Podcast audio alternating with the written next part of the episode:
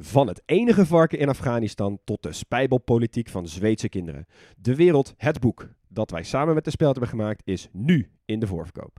Het is de meest betrouwbare landengids der landengidsen. Het beste boek dat je nooit mag gebruiken bij je eindexamen. Ga naar grotepodcastlas.nl slash boek, bestel hem en dan heb je hem eind juni in huis. Voor je gaat luisteren, heel even dit. In de nieuwe podcast Veldheren neem ik, Jos de Groot, jou iedere donderdag mee voorbij de frontlijn in Oekraïne. Dat doe ik samen met generaals buiten dienst Peter van Um en Mart de Kruif. Zij hebben één duidelijk doel: aan jou uitleggen hoe oorlog werkt.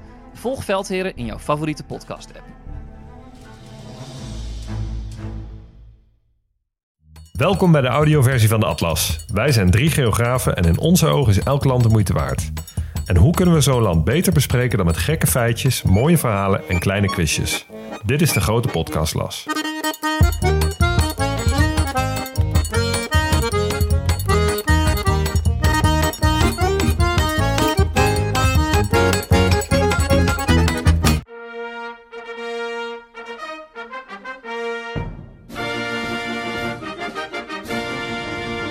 Een oude man, een leven in de Caribische zon.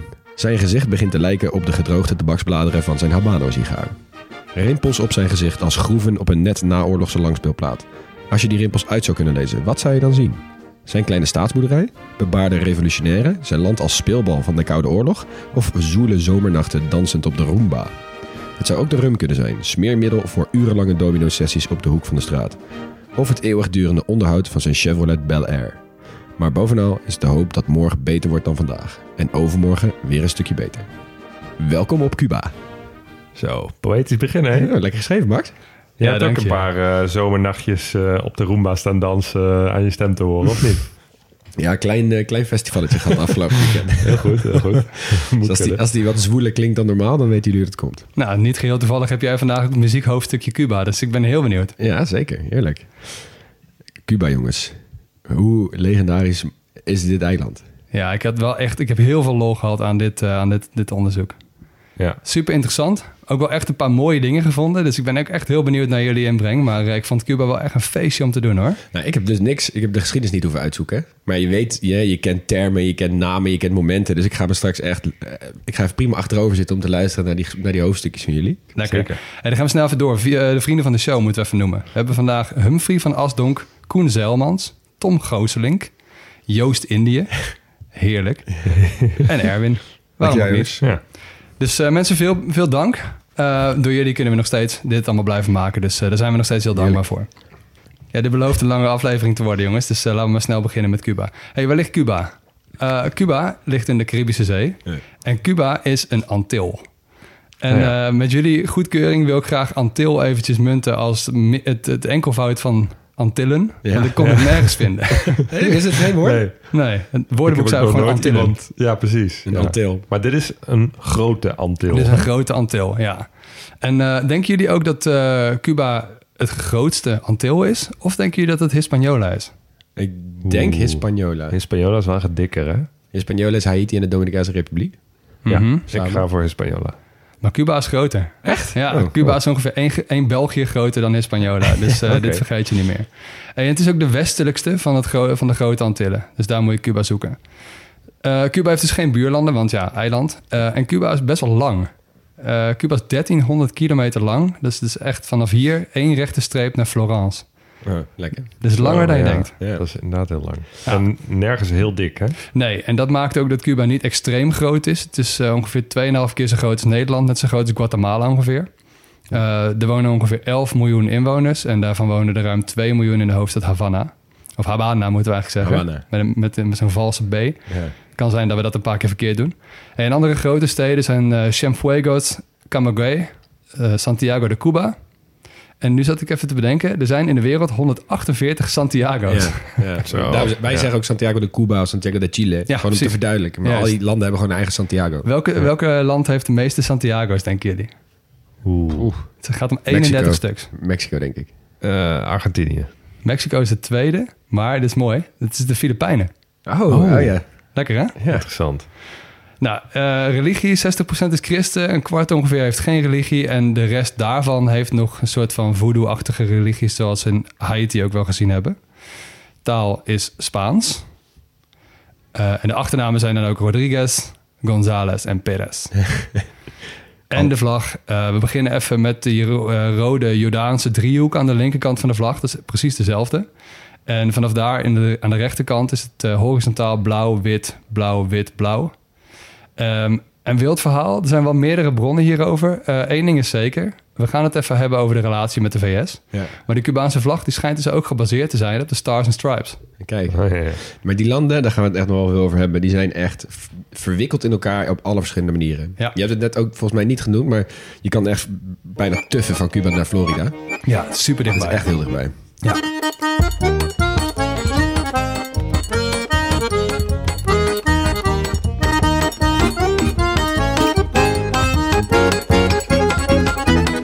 Eh, Max, je zei het al, er wonen ongeveer 11 miljoen mensen. Eh 65% is eh, wit, eh 25% is mestizo en eh, ongeveer 10% is eh, zwart. En eh, wat Cuba's bevolking eigenlijk best wel kenmerkt, is dat ze zijn heel oud. En ze vergrijzen heel snel. Dus ehm, de- het geboortecijfer is met 1,62 verreweg het laagste op de hele westelijke halfrond. Ehm, en ongeveer 16% van de mensen is ouder dan 60, nu al. Ehm, maar ze hebben die hoge gemiddelde leeftijd is ongeveer net zo hoog als in Nederland. Joh. Ze hebben zelfs een hoger gemiddelde leeftijd dan landen als Denemarken, Canada en de VS. Ja, bizar hè? Ja. Ja, dat, die zag ik ook echt niet echt aankomen. De levensverwachting is ook tamelijk vergelijkbaar met in, eh, in West-Europa. Ja, maar ze, ze zijn dus echt heel oud. Ja. En ze, ja goed, die, die verjongen nog niet. Ehm, nou, de, de Cubanen. Ehm, volgens mij als je mensen uit Latijns-Amerika gaat vragen... om wat, wat zijn dat nou voor mensen... dan zullen ze heel snel zeggen... ze zijn extreem uitbundig in alles. Dus hè, hun persoonlijkheden, ze schreeuwen hard... en ze praten veel en... eh, ze zijn wel echt buitengewoon vriendelijk. Ehm, zo staan ze bekend. En ze staan ook bekend dat als je met ze praat... dat je altijd een beetje alles eigenlijk met een korreltje zout moet nemen. Ze zijn heel sarcastisch, heel speels. Ehm, hoe ze met elkaar omgaan is ook op een grappige manier... want ze zijn de hele tijd elkaar aan het beledigen, blijkbaar. Oké. En ze zijn dus de hele tijd ook gewoon grapjes met elkaar aan het uithalen en zo. En eigenlijk gewoon een beetje, een beetje. En eigenlijk al die ehm Lonely Planet-achtige boeken of eh, toerisme-sites... die zeggen allemaal, joh, zelfs als je geen woord Spaans spreekt... doe gewoon met ze mee. Want dat vinden ze alleen maar fantastisch. En iedereen is heel uitbundig en, en eh, gezellig. En ik zou ze eigenlijk ook nog best wel willen ehm, typeren als de Italianen van de Cariben. Want wat ze dus doen, is ze praten heel veel met hun handen. Als Oh je ja. dan, ik heb een paar filmpjes te kijken van Cubanen op straat. Ze zijn de hele tijd bezig met de handen en wijzen met de neus en zo. En met hun gezicht en alles. Eén ding wat je dus niet moet doen, is dat je dus je neus moet snuiten of ophalen op Cuba. Want dat, dat vinden mensen daar echt verschrikkelijk en heel goor. Dus even pro-tipje. Nou, eh, we hebben het net al even kort aangetikt. Hè? Eh, de Verenigde Staten, een hele belangrijke relatie. Hoeveel, ehm, hoeveel mensen, denken jullie, met Cubaanse roots wonen in de VS? Zo. Nou, miljoenen. En even één, eh, één cijfer waar je aan kan relateren. Ze hebben een diaspora van ongeveer 2 miljoen. Ja. Nou, ik denk dat die bijna allemaal in. Ja, eh, 1,3 miljoen Ja. in de VS. Dat is echt intens veel. Ja, Allemaal in op, op Miami. 11 miljoen Cubanen op Cuba is dat inderdaad echt eh, Ja. Heel veel. Ja, dat, dat is heel veel. En dat, dat, hè, dat zullen we straks wel terug zien komen, ook bij de, bij de latere hoofdstukjes, denk ik ook. Ehm, eh, maar eh, daarna zitten er dus, zeg maar, er zitten 1,3 miljoen in de VS. En daarna zitten er 166.000 in Spanje. Dus moet je nagaan hoe groot dat gat is. Dus Ja, echt ja. eh, vrijwel alle Cubanen die weggaan, die gaan dus of naar Spanje of naar de VS. Vooral naar de VS. Ja. Dan nog even over de religie, want die is ook nog belangrijk. Jij noemt het een soort voodoo-religie. Dat klopt, maar een beetje. Want eigenlijk de, over, de eh, vergelijking die je daarbij kan maken... is dat het overgekomen is door de mensen tot slaaf gemaakt... die naar de Cariben zijn verscheept toen die tijd. Ehm, en uiteindelijk hebben ze dus daar een religie gemaakt... dat heet Santeria of Regla de Ocha. Wat het eigenlijk is, is een religie die komt van het Yoruba-volk uit Nigeria. Daar zullen we het in Nigeria ongetwijfeld over hebben. Gemixt met het Rooms-Katholieke geloof van de Spanjaarden. Want zij kregen dus, zij moesten van die slavenhandelaren, moesten ze allemaal Rooms-Katholiek worden. Van die Spaanse kerk natuurlijk. Maar ze hadden ook nog hun eigen geloof. Maar wat Ja. ze toen hebben gedaan, ze hebben dat soort samengevoegd. Dus je hebt een, een oppergod in, eh, in, die, eh, Yoruba, eh, in het Yoruba-geloof. Olorun heet die, of Olodumare.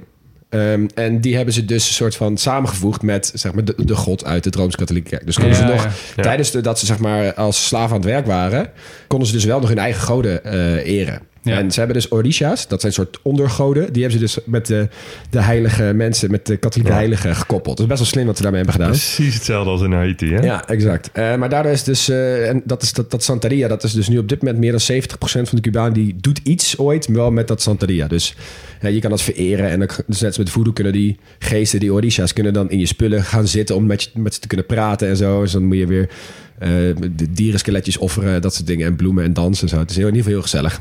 Nou, we zitten wel goed in de voodoo eh, de laatste tijd, jongens. Ja, dat is echt helemaal ja. goed. Hey, die, eh, maar goed dat je even al een klein beetje geschiedenis hebt verteld, want dan hoef ik het niet te doen. Ik ga er even in een vogelvlucht door de eerste jaren heen. Ja, ik ga Want- goed voor zitten inderdaad. Ja, dit is echt een feestje voor iedereen die houdt van de 20e eeuw. Dus eh, let's go. Ehm, ik begin ook even best wel laat in de geschiedenis. Dus ehm, daar moet je maar gewoon eventjes vrede mee hebben. Vooropgesteld, ik ga dit even ehm, ophangen aan een x-aantal invasies. Cuba is echt een land van invasies. Dus dat, eh, hang, hang dat even als kapstokje, hou daar even rekening mee. Eh, de eerste invasie is de eh, ontdekking van de Europeanen. En dat is dus Columbus geweest. Daarna vrij snel gekoloniseerd door Spanje. Suikereconomie opgezet. Vaak een drama voor de lokale bevolking. Luister maar andere afleveringen uit de Cariben... die we nog gaan maken of die we al gemaakt hebben. Ja. Ja? Ja. Nou, interessant hierin is de vroege onafhankelijkheid van Latijns-Amerikaanse landen... kent eigenlijk twee uitzonderingen. Cuba en Puerto Rico. Beide kwamen pas los van Spanje in 1898. Oh. Dat is veel Oh later dan de rest. Ja. Ja. Nou, daar hebben ze toch wel aan vast kunnen houden van die Spanjaarden. Puerto Rico is nu natuurlijk nog van de VS Ja. en Cuba niet. Maar die relatie met de VS wordt wel belangrijk. Ehm, die onafhankelijkheid van het Spaanse Rijk die ze uiteindelijk kregen, die kwam ook vanuit Amerika. Dus hè, wat je zei, er zitten heel veel Cubanen in de VS. Dat zat, dat zat er al heel vroeg. Het is maar een klein stukje varen. Eh dus ook José Martí. De sleutelfiguur uit de onafhankelijkheidsstrijden en ook de nationale held van Cuba. Hij was een dichter, een schrijver, een journalist. Maar hij was ook de leider van de Cubaanse onafhankelijkheidsoorlog. Mhm. Dus dat waren die Cubaanse bannelingen. Die staken over en die gingen vechten tegen het Spaanse Rijk. Ehm, in 1895 begonnen ze daarmee, maar ze vochten eigenlijk als, eh, als opstandelingen. Maar na drie jaar kwam de VS, die kwam daar ook zich in mengen. Die, die mengde zichzelf in de strijd, ook militair. Aan de zijde van Marty, dus. Zeker weten, Ja. ja. En vanaf toen ging het ook eh, de Spaans-Amerikaanse oorlog heten. Ah, ja. Nou, die de VS was inmiddels, het is al bijna 1900, dus die waren al best wel sterk. Dus die wonnen met veel overmacht en die oorlog duurde ook maar een jaar. En nam niet alleen Cuba over, maar ook de Filipijnen, Guam en Puerto Rico. Ah, En dat was dus het eind ook van het Spaanse Rijk. Ja. Ah, en oké. het begin van imperialistisch Amerika. ja. Dus alle overzeese gebiedsdelen waarvan je denkt van... waarom heeft Amerika daar in godsnaam land? Dat is, Tijdens die oorlog is dat Ah, begonnen. Ja, en Oh, ja. Guam en Puerto, Rico nog steeds. Ja, die zijn nog steeds Amerikaans. Nou, in 1902 kreeg eh, Cuba onafhankelijkheid van de VS. Maar ze bleven wel een soort vassalstaat. Hè. In de eerste helft van de 20e eeuw was, eh, was het eigenlijk gewoon een, een verkapte Amerikaanse kolonie. En de grote naam in die tijd was de autocraat eh, Fulgencio Batista. Die regeerde af en aan vanaf de jaren 30. ehm, en die verkwanselde het land eigenlijk steeds meer aan Amerika. Dus op een gegeven moment was eh 70% van het landoppervlak van Cuba in buitenlandse handen. En een groot deel van de suikerindustrie was gewoon allemaal van Amerika. Hmm. En Havana was ook echt een soort gokstad geworden. Van de Amerikaanse maffia. Weet je, gewoon eh, veel, eh, veel prostitutie, veel casino's, superveel alcohol ook. Dus dat was niet zo fraai. Hmm. Niet gek dus dat er iets op handen was. En wel in de vorm van een marxistisch-leninistische revolutie... die vanaf 1953 onder leiding van de rebellenleider Fidel Castro begon. Hey. Nou, Fidel die viel de Moncada-kazerne in Santiago de Cuba aan... en alles ging ongeveer fout. En hij werd ook opgesloten in de cel. Ehm, die Batista was op een gegeven moment weer aan de macht... en die heeft hem dus als publiciteitsstunt heeft hij hem vrijgelaten. Eigenlijk alle, vrij- alle gevangenen. Oh. Big mistake. Kijk hoe goed ik deze situatie onder controle heb. Nou, dat heeft hij geweten. ja. Want ehm, eh, Fidel Castro die vluchtte naar Mexico en daar ging het dus allemaal beginnen. En zij is in het geheim is hij een tweede, dus invasie, gaan voorbereiden. En ehm dus eigenlijk al een derde. Hè? Dus je had eerst Ja. eh, Columbus, toen had je die eh, onafhankelijkheidsoorlog en nu is de derde, die is van, eh, van, van Fidel Castro. Ja. En die landde eind 1956 op Cuba met 81 socialistische broeders. En ze leidden zware verliezen. Dus ze waren nog maar met z'n elf over op een gegeven moment Yo. verder het land ingetrokken en gaandeweg steeds meer vrienden gemaakt. Mensen die zich bij ze aansloten. Nou, daar hebben ze een paar jaar over gedaan. En in 1958 hebben- zijn ze Havana binnengetrokken. Batista gevlucht. Cuba wordt socialistisch. En Fidel Castro wordt president. op dat moment worden dus ook alle banden met de VS verbroken. Ja. Want Ja. Je moet even wereld schetsen. Dit is de tijden van de Koude Oorlog.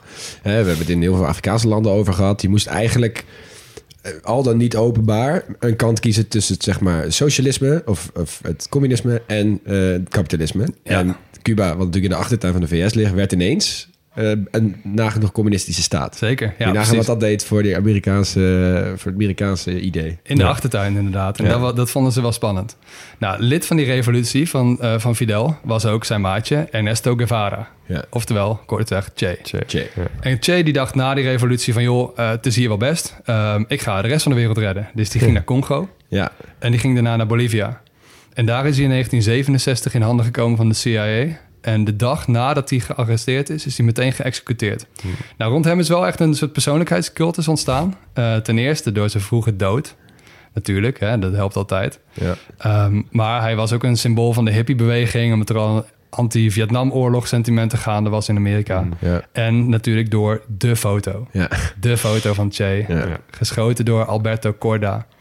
Eh, in die tijd zie je dit ook menig studentenkamer. En dat doet het volgens mij nu nog steeds. Ja, en t-shirts. ik zag onderweg op de fiets hier naartoe... zag ik nog iemand eh, fietsen Ja, in ja? zo'n t-shirt met Ja. Che Ja, achterop. ik moet dan altijd denken hoe hij altijd strijd, heeft gestreden voor zeg maar, het socialistische en het communistische. En dat uiteindelijk hij op al die kapitalistische t-shirts terecht is Ja, gekomen. ja, is waarschijnlijk niet iets waar hij heel blij mee zou zijn. Nee, nee, nee, precies. Overigens, ik weet niet of je dit nog ging vertellen, maar een leuk feitje over Che is dat hij dus geboren is in Argentinië. Oh ja. Iedereen, iedereen denkt dat hij Cubaans is, maar dat is hij helemaal niet. Ja, Nee, hele nee, goeie, hele ja. goeie. En hij is dus ook niet in Cuba gestorven. Nee. Nou, jongens, tijd voor nog een invasie. Want de VS vond het dus niet zo leuk dat Cuba socialistisch was geworden. Eh, het zat dus inderdaad midden in de Koude Oorlog. En Cuba was echt een hot item in Amerika. Ehm, dus in 1961 trad JFK aan, hè, John F. Kennedy. Ehm, die had het presidentschap net overgenomen van Eisenhower. En die zat daarmee ook opgeschreven met een bestaand plan... voor een grootschalige invasie... die wij zijn gaan kennen als de invasie van de Varkensbaai. Ja. De Big Bay Incident. Ehm, Kennedy, slim als hij was, vond dat veel te opzichtig. Die Amerikaanse steun in dat Ja. plan. Dus hij heeft het enorm afgeschaald. Dus hij heeft eigenlijk gezegd: het gaat gewoon met bandelingen. Dus die gaan we wel een soort van steunen, maar niet militair. Ook niet met luchtaanvallen. Dus het enige wat, we, wat, wat jullie mogen doen is een soort zeelanding. Ja. En iedereen was erover eens dat ze, als ze de luchtmacht hadden ingezet, dan hadden ze makkelijk gewonnen. Ja. Ja. Maar ze kwamen daar aan en ze hadden alleen die zeemacht. En ze waren ook daadwerkelijk aan de verliezende hand, die bandelingen. Ja. Ehm, en JFK heeft al die tijd met één akkoord nog steeds de luchtmacht kunnen laten komen. En dat heeft hij dus niet gedaan. Oké. Ja. Dus twee dingen daarover. Ehm, ten eerste was het daardoor een gigantisch fiasco. Ja. Want ja, je wordt in de pan gehakt door Cuba. Ja. Die op dat moment nog geen militaire steun had voor de Sovjet-Unie. Ja. En ehm, het- je drijft natuurlijk ehm, Cuba steeds meer in de handen van een andere grote mogendheid. En Ja. dat was dus de, So- de Sovjet-Unie. Ja. Ja, en je zorgt die, die cultstatus die er dus toen rondom Cuba hing, die steeds groter werd, Ja. die maak je ook nog eens erger. Want iedereen die tegen Amerikaanse agressie over in, in de wereld was, die zag dit ook gebeuren. En die dacht ook, ja, hallo Amerika. Ja, dat is zo. En ehm, kijk, Cuba werd toen echt een soort van hotspot van de Koude Oorlog. Tegen wil en dank. Nou ja, ehm, dat werd dus nog erger een jaar later, toen de Cuba-crisis kwam. Ja.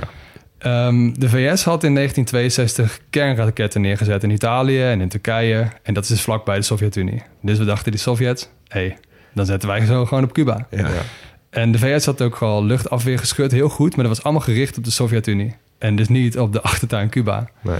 Dus daarvan eh, zei Kennedy van... joh, dat is onacceptabel. Eh, eiste een ontmanteling van alle raketbases op Cuba... en legde in de internationale wateren rondom Cuba... een soort blokkade neer... om Ja. weer een nieuwe invasie te voorkomen. Ja. Nou, die invasie die en kwam ook te wel. voorkomen dat die, dat die raketten eh, aangevoerd werden. Precies, ja, dat- want eh, de Sovjets die kwamen al. Ja. Met de boten, met de kernkoppen en alles. ja, ja. En eh, die kwamen dus weer een soort invasie doen. Maar eh, daar lag dus die blokkade. En als er één moment geweest is waarin de wereld echt zijn adem inhield... dan was het dus wel tijdens die Cuba-crisis. Dat geldt Ja. echt wel als het meest nijpende moment tijdens Ja. de Koude Oorlog. Ja. Nou, even graag aandacht nog voor één man. Vasily Alexandrovich Archipov. Misschien jullie wel bekend. Zeker. Hij was een Sovjet-officier in een onderzeeër. Met kerntorpedo's aan boord. En eh, hij werd dus vlakbij die blokkade werd hij naar de oppervlakte gedwongen. Best wel een stressvolle situatie. Dus eh, hij kwam uiteindelijk eh, met zijn collega's in discussie. Zijn collega's die zeiden, gast, laten we gewoon vuren. En hij heeft gezegd, joh, dat gaan we niet doen. Ehm, en ze moesten een unanieme goedkeuring hebben. En die hadden ze dus niet. Dus hij is naar boven gekomen. En daar zijn ze een soort van aangehouden, teruggestuurd. Maar hij geldt dus wel als een van de zeer weinige mensen die echt als individu een kernoorlog eh, heeft voorkomen. Heeft- Ja. Ja, precies. Zo. Super lijp. Hij is dus nu ook echt wel een soort held geworden in de internationale gemeenschap. Want ja, wie weet hoe het had kunnen aflopen. Ja. Ja, ja maar dit, dit was inderdaad een periode waarin één per ongeluk verkeerd drukje op de knop of zo echt had kunnen leiden tot misschien wel het einde van de wereld. Ja, Nou, absoluut. ik kan me dus ook best wel voorstellen dat als je... Dit is natuurlijk ook pas later aan de, aan de, aan de orde... Of zeg je dat? Het is pas later ehm bekend geworden, ja. aan de oppervlakte gekomen. Eh, maar er was toen, er hing overal wel een zweem van... oké, die nucleaire oorlog hangt echt in de lucht. Dus ik kan me echt best wel voorstellen dat mensen over de hele wereld... ook in Nederland, gewoon best wel, best wel fucking bang waren de hele Ja, tijd. Dus ik ja. dacht, ja, wat, hoe, hoe knettergek zijn die mensen, Ja. weet je wel? Ja. Ja, zo ja. wat- Ja, en alles wordt erin meegesleurd. Want Precies. eh, hè, overal in Europa waren ook kernkoppen. Dus dat waren ook meteen doelwitten. Dus, Exact, ja. ja het ja, gaat ook... het, het gaat veel breder dan, Mutual dan de. Staten tegen de Sovjet-Unie. Ja, precies. Nou ja, je noemde hem inderdaad, Leon, die mutual assured destruction. Ja. Ehm, weder, ge- gegarandeerde weder- wederzijdse vernietiging. ja. Dat was echt een groot thema in die, in die Ja. Koude Oorlog. Want het was natuurlijk echt een gigantische wa- wapenwedloop. Ja. Het mooie was dat die Cuba- Cuba-crisis wel een keerpunt was in de Koude Oorlog. Ehm, de Sovjet-Unie erop af. Ehm, en die leidde eigenlijk, ehm, die Cuba-crisis leidde eigenlijk de periode van détente in. Eh, Frans voor ontspanning. En dat was echt de tijd die de jaren 70 en 80 kenmerkte. ja. Dus zo, zo vurig als, eh, als de, als de Cuba-crisis is het niet meer geweest. Maar de relaties bleven slecht in de decennia daarna. Ja. En daarna werd het ietsje rustiger vaarwater. En eh, in de tijd rond de val van de muur, daar ga jij het denk ik over hebben, Hugo. Eh, ja, dat klopt inderdaad. Want ehm, eh, ja, de val van de Sovjet-Unie had hele grote gevolgen voor Cuba. Want ja, de Sovjet-Unie was de bondgenoot, grootste handelspartner, geldschieter. Maar Cuba bleef zelf wel communistisch. Ja. En eh, dus bleven die sancties eh, van de Verenigde Staten van kracht... en bleef het gewoon een super geïsoleerd land. Nou, dus het vallen van de Sovjet-Unie was een, echt een enorme klap voor de economie. En die periode eh, na de val van de Sovjet-Unie tot ongeveer 2000 staat bekend als de periode especial. Een speciale periode. Ja, vind ik echt een mooi eufemisme. Ja, ja, dat is, eh, dat is een periode van economische neergang met een groot tekort aan voedsel en brandstoffen. Eh, wat wel een voordeel was, daardoor moesten ze noodgedwongen zich gaan richten op organische landbouw. Want ze hadden ook geen kunstmest meer. Nee. Ehm, autogebruik werd sterk verminderd, want ze hadden geen olie meer. Dus ja, voor het milieu had die periode best positieve effecten, maar voor het volk des te minder. Nou, dus ze moesten, moesten wat andere dingen bedenken. En een van die dingen was het openen van het land voor toeristen. En ehm, eh, een van de maatregelen die werd genomen om maximaal te profiteren van dat toerisme is het invoeren van een aparte munteenheid voor toeristen. Ja. De peso cubano convertible. Ja, dit is Ja. echt super Ik net zeggen, Ja. dit is wat, wat je ook als mensen naar Cuba zijn geweest, dan hoor je dit altijd terugkomen. Ja. Dat is een van de eerste dingen die ze altijd vertellen. Ja, klopt. We gaan hem vanaf nu even de toeristenpeso eh noemen. Die Goeie. dus eh, naast de Cubaanse peso eh, bestond. En eh, die toeristenpeso die was gekoppeld aan de Amerikaanse dollar. één op één. Dus eh 1 dollar was één toeristenpeso. En de toeristenpeso was 24 normale peso's waard. Toeristen die kwamen dan eh, met contante dollars het land in. En die moesten dat bij staatswisselkantoren omwisselen voor die toeristenpeso's. En die kunnen dat vervolgens gebruiken bij resorts en speciale winkels met geïmporteerde goederen waar ze met die toeristenpeso kunnen betalen. Oh, ja. De gewone Cubanen die eh, bleven eh de gewone peso gebruiken. Althans, dat was de bedoeling. Want op een gegeven moment ging dat steeds meer door elkaar lopen. Ja. Ja, want dit was niet een systeem dat zo be- bedacht was dat je als eh, toerist met een toeristenpeso in een winkeltje kon betalen en dat je dan wisselgeld kreeg in de normale peso. Nee, precies. Het was echt een parallelle eh, valuta, zeg maar. Ja. Nou, wat was er nou zo interessant aan de situatie? Eh, eh, de truc die de overheid toepaste was dat er twee wisselkoersen bestonden voor die toeristenpeso. De normale eh, koers was dus 24 normale peso's voor één toeristenpeso. Maar staatsbedrijven die mochten één normale peso ruilen voor één hele toeristenpeso. Ja. Dus die hadden eigenlijk een voordeel van de 24-voudig eh Enorm, waarde. enorme staatssteun. Ja. Dus die konden heel goedkoop aan toeristenpeso's en dus aan dollars komen. Nou, en dat, dat heeft staatsbedrijven die periode eigenlijk doorgesleept. Ja. Oh, ja. Moet echt meteen aan een bordspel denken in dit geval. Dus een superkaartje heb getrokken, weet je. Ja. Nou, gewoon één op één ruilen, niks aan. Ja, ja, ja. Godsverruilen. Nou, die periode speciaal die, die houdt een beetje op zo rond de eeuwwisseling. Want toen eh, eh, krabbelde de economie iets op. En dat kwam ook omdat er betere relaties kwamen met Venezuela, waar ook Chavez aan de macht was.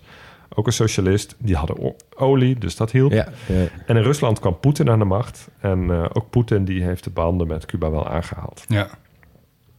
Nou, in 2008 eh, moest Fidel Castro, die dus tot die tijd even, hallo, eh, Ja. nog steeds aan de macht was. Zo, dat is meer dan 2000 50 jaar. Ja, Ja. in 2008 was hij hoogbejaard en moest hij om gezondheidsredenen het stokje eh, doorgeven aan zijn broer Raúl. Die was ietsje, ietsje progressiever. Ehm, eh, het werd iets makkelijker voor Cubanen om naar het buitenland te reizen. Ehm, daarvoor was dat echt, echt streng ingeperkt om te voorkomen dat eh, heel veel hoogopgeleid personeel het land ontvluchtte. Ja. Ehm, en eh Raúl die heeft, heeft ook wat toenadering gezocht tot de Verenigde Staten, waar Barack Obama aan de macht was. Ja. Dus nou, ook iemand die, die op zich wel ervoor open stond om, om banden aan te halen met vijanden. Ja.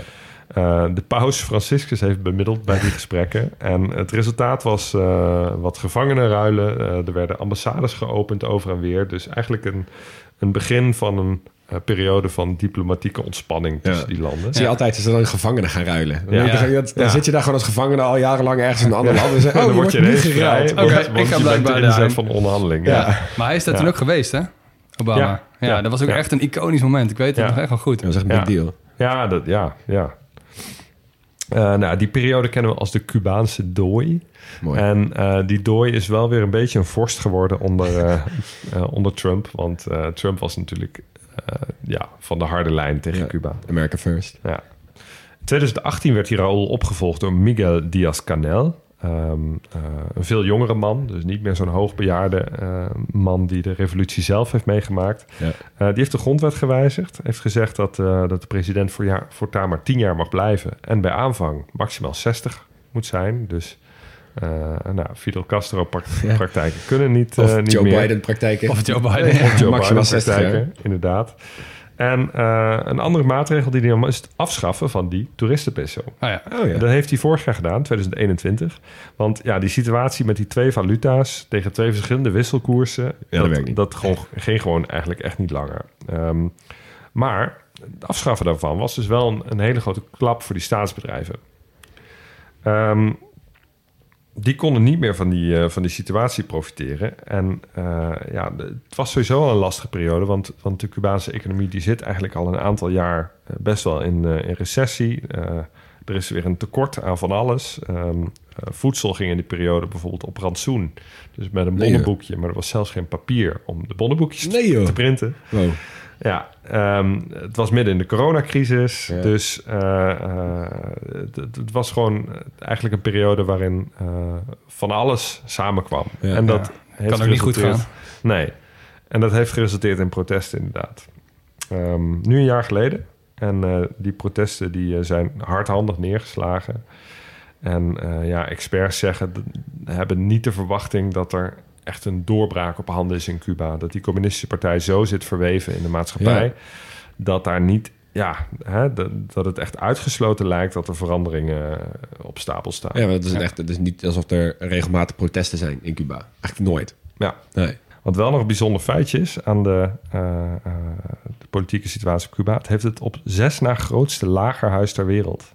Dus de? Tweede Kamer van Cuba. Daar zitten 612 leden. joh.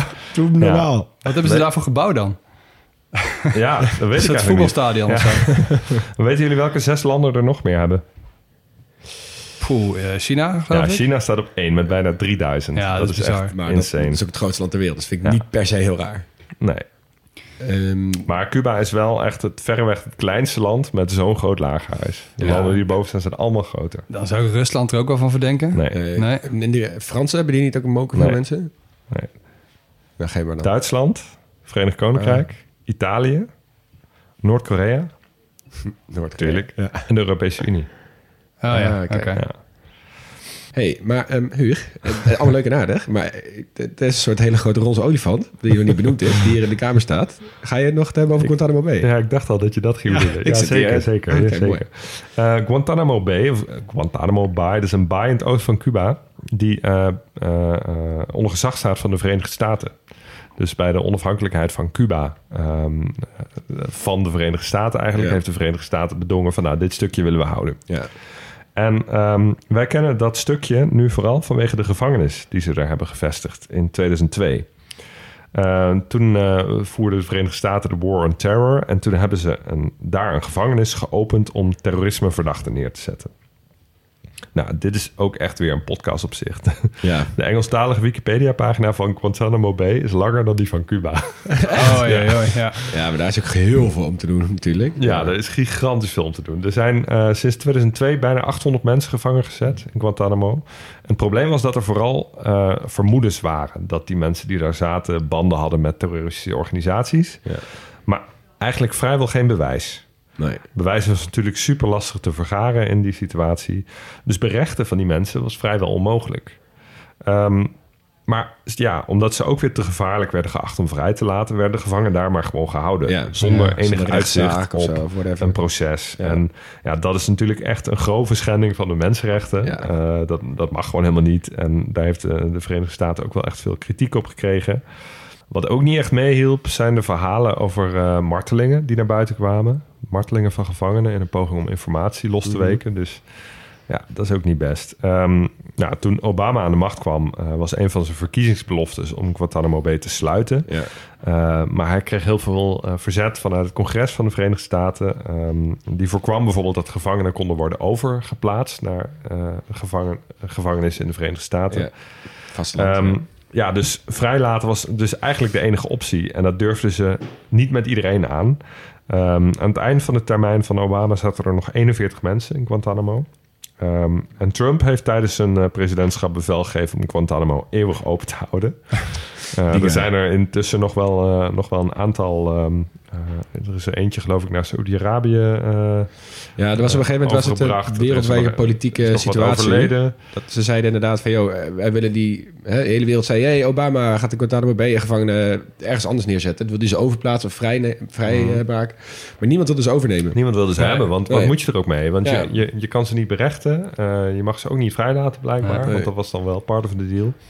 Dus dat is heel lastig. Nou, Biden heeft nu wel weer de intentie om het kamp te sluiten, maar heeft ook nog niet echt concrete stappen genomen om Nee. dat voor elkaar te krijgen. Ja, Het is, succes.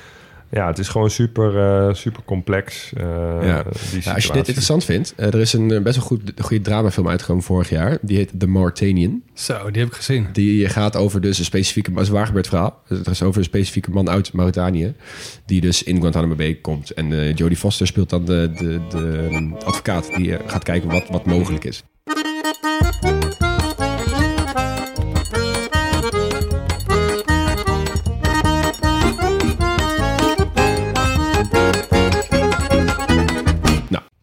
Stop de podcast. Je vakantiegeld komt eraan, dus het is tijd om jouw reis te boeken. En onze sponsor van vandaag heeft een dikke kortingscode. En die sponsor van vandaag is Sawadi, niemand minder. Dit is een reisorganisatie en vakanties zijn natuurlijk duur, dus dit aanbod is extra interessant deze tijd. Ik vind dat altijd een mooie organisatie, Sawadi. Ja, ja Zeker. ik ook wel. En Ja. ze bieden verschillende soorten eh, groepsreizen aan.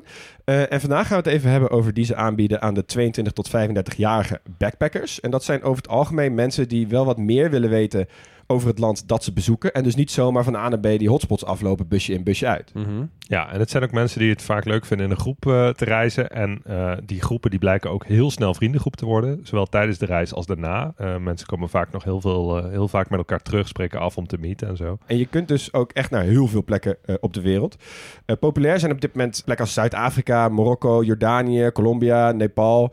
Uh, maar bijvoorbeeld ook plekken die normaal gesproken niet altijd makkelijk te bereizen zijn voor, ik zeg maar wat, alleen reizende vrouwen. En dat zijn dan bijvoorbeeld plekken als India. Ja, en ze werken natuurlijk samen met lokale organisaties, niet met de grotere hotelketens. Uh, ze eten bij locals, uh, lopen rond met mensen die heel veel kennis hebben over de lokale gang van zaken. En daar komt de kortingscode om de hoek kijken. Want als je nu een 22 tot 35ers reis boekt, krijg je 100 euro korting met de code TGP100. En die code is geldig van 1 mei tot 16 juni. Ja, dus je moet wel een beetje op tijd boeken. Maar hey, 100 euro korting op zo'n reis. Ik moet je zou kijken dat- wat je er allemaal mee kan ik doen. zou dat toch altijd even proberen om DGP 200 in Ja, te voeren. ja, ja, ja, dat ja. ben ik misschien. Ja. Ja, ik- Anyway, 100 is ook al super mooi. Zeker. En bij Saudi, het reizen is heel makkelijk. Er is heel veel keuze en het is dus ook heel gezellig. Saudi, met wie ga jij op reis? Terug naar de podcast.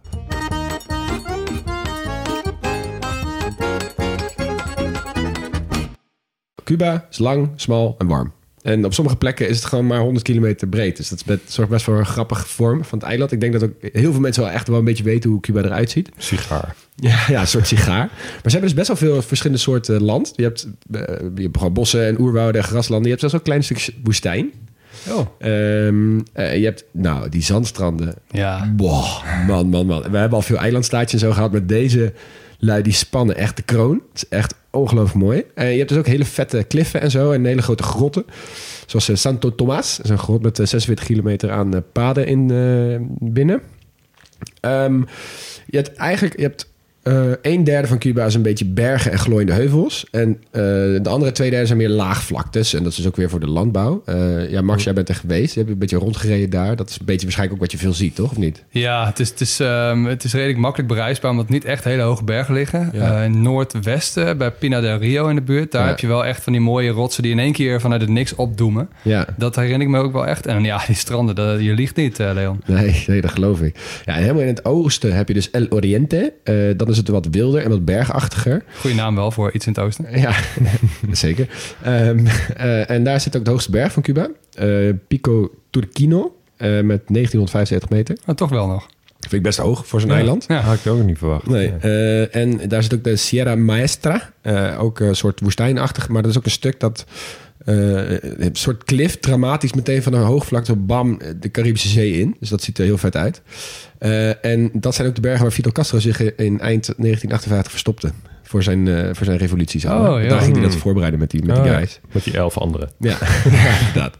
Eh, verder hebben ze daar iets heel grappigs. Dat heet Mogotes of Mogotes. Kennen jullie dat? Nee. Ik kende dat dus ook niet. Het zijn een soort ja, gekke soort torentjes in het landschap met bossen erop of met groen erop.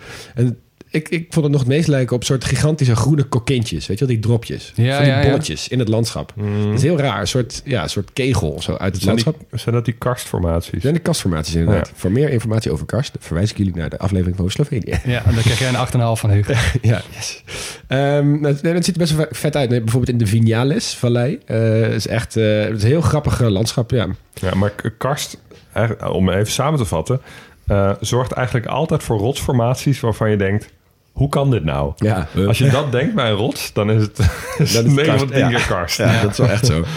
En dat kan, kan, kan zich op heel verschillende eh, manieren manifesteren. Ja, en in, hier is het dus voornamelijk gebeurd door de wind. Want eh, hè, Cuba ligt natuurlijk in orkaan central. Dus ze hebben hun orkaanseizoen is ook, komt die lekker, van 1 juni tot 30 november. en dan heb je de meeste stormen in augustus, september en oktober. Oh joh, De sterkste orkaan ooit was de Cuba-orkaan van 1924. goeie naam. Eh, 265 km per uur. Jo, Dat is wel flink waaien, ja. ja. Ja. Ja, en eh, verder zijn best wel regelmatig orkanen. En eh, de, met Sandy natuurlijk, orkaan Sandy in 2012 hadden zij dus ook. Dat is ook 200 km per uur ook gewoon op Cuba. Nou, eh, dan nog even naar het, eh, het wat nationale parken en wat beschermde gebieden. Ze hebben best wel veel beschermd gebied. Zo'n 22% van het land en water wordt beschermd. Waarvan voornamelijk denk ik het water het belangrijkste is. Maar ook eh, het land. Ze hebben dus 12 nationale parken. Helemaal in het westen heb je Guanagabibes Park. Dat is een van de grootste van het land. En daar zitten dus ook vet veel vogels. Eh, wat endemische vogels. Eh, maar je hebt dus ook vier van de zeven soorten zeeschildpadden. Die komen daarvoor. Een hele bekende duikplek ook. En weet je wie dus ook een groot fan was van duiken? Vast niet Fidel Castro. Fidel Castro. ja, een van zijn favoriete plekken was Jardines de la Reina Nationaal Park. Eh, dat was een beetje centraal in het zuiden. Dus opgericht door Christopher Columbus. Daarom La Reina. Dat is de koningin. Ehm, en eh, de- het schijnt dat daar een van de gezondste riffen van het hele Caribisch gebied te vinden zijn. Ja, weinig economische activiteit. Waarschijnlijk super veel natuur schoon. Nou, dan hou je dat. Ja, ja, precies. En ja, ook nogmaals, als je daar dus foto's van zoekt, wat je echt, ik ben blij dat hier ook zomer is. Want als ik dat in de winter zou doen, dan zou ik echt een soort fernwee krijgen. Ja. Ehm nou, tenslotte nog even een eh, lijstje bijzondere beestjes op Cuba. Eh, je hebt eh, de Cubaanse trogon. Nooit van gehoord. Een soort- soort wit-blauw-rode vogel. Die is ook meteen de nationale vogel van Cuba. Dan weet je dat dat altijd lijpe vogels zijn. Je hebt de Cubaanse rotsleguaan. Die is unit groot. Het is echt anderhalve meter lang en die weegt echt zo'n 10 kilo. Dus je hebt allemaal foto's van mensen die dat ding zo vasthouden. Daar ziet er heel vet uit. Een soort steen lijkt het wel. Echt, Ik dacht, lijp. nu komt er wat, maar het is gewoon een stootsteen. Ja, ja, alleen in de vorm van de leguaan. Of Ja, ja, andersom. Eh, je hebt de Hootsia's of Hootsia's. Dat zijn een soort boomklimmende capybara's. Nou ben ik sowieso persoonlijk groot fan van, van het hele bestaan van de capybara. Een soort Ja, uit de ja, cavia. Maar deze die klimmen dus ook nog in de bomen. Nou, je hebt de mangoesten, lamantijnen. Ook lamantijnen, fantastisch bezig. Die grote zijn zeekoeien. die hele Oh. grote... Ja, manatees heten ze in het Engels. Dan kennen mensen ze misschien Mm. wat beter. Een zeekoe dus in ieder geval. Ja, dus dat. Eh, je hebt dus die zeeschildpadden. ehm, en je hebt dus de kleinste vogel ter wereld. Heb je er ook. De bijenkolibrie. Die heb je Oh. alleen op Cuba. Dus de Colibri is ook klein en dan heb je nog een extra small versie. Ja, een, ja, extra, extra, extra small version. Nou, Leon, ik krijg helemaal zin om er naartoe te gaan. Snap ik. En dat doen dus ook best wel veel mensen. Eh, sinds de jaren negentig is, is toerisme dus ook weer best een eh, belangrijke bron van inkomsten. Ehm, eh, voor de communistische revolutie was het dat ook. Dat is eigenlijk wel opvallend om te noemen. Ehm, eh, Max, jij noemde al een beetje dat Havana in die tijd een soort gokparadijs was. Eh, Cuba was namelijk echt de populairste toeristische bestemming in de Cariben. Eh, vooral onder Amerikanen, want je mocht er gokken, prostitutie was legaal, je mocht er drinken. En dat mocht in die tijd eh, niet in de Verenigde Staten vanwege Ja. de drooglegging. Dus ja, er kwamen superveel mensen daar om helemaal los te gaan eigenlijk. Havana stond bekend als het Latijnse Las Vegas. Oh, ja. Ehm, tussen 1960 en 1990 was er eigenlijk nauwelijks toerisme in Cuba. ehm, maar sindsdien dus wel steeds meer. Tegenwoordig trekt Cuba ongeveer 5 miljoen toeristen per jaar. Ja. Dat is nou, best wel veel. Dat is ongeveer net zoveel als Jordanië, om een beetje context te geven. Ehm, wat is nou de grootste groep? Wat denken jullie? Amerikanen? Nee. Nee. Amerikanen mogen daar nog niet naartoe. Nee, ik, wil het, Oh, ja. toen ik het zei, dacht ik al, wacht even. Klopt Nou, volgens mij zijn er best wel, dan? best wel wat Nederlanders die daarheen gaan ook. Ja, er zijn redelijk wat West-Europeanen, maar verreweg de grootste groep zijn Canadezen. Oh. Een Oh, ja. derde. Want Ah. Canada heeft in tegenstelling tot de Verenigde Staten altijd best oké banden gehouden met, met Cuba. Ja. En eh, ja, dus Canadezen gaan er, gaan er veel naartoe. Ehm, Amerikanen dus nauwelijks. Ehm, de Amerikanen die wel gaan, dat zijn vaak familiebezoeken. Eh, Ja, dat heeft ook heel lang niet gemogen. Maar eh, sinds die Cubaanse dooi mag dat weer een klein beetje wel. Nou, ehm, begin jaren 90 was, was het regime, dus eh, in het begin van, van die eh, toeristische opleving, heel veel aangelegen om alle contacten tussen lokale bevolking en buitenlandse toeristen te voorkomen.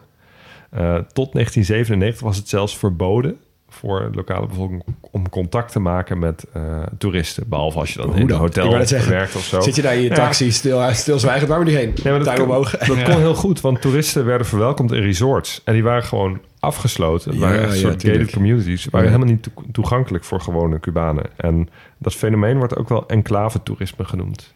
Ja, ja. Mooie term. Ja, Ja. zeker. En heel veel van die resorts vind je in eh, Varadero. Dat is een, eh, een kustplaats met die supermooie stranden. Niet heel ver van Havana.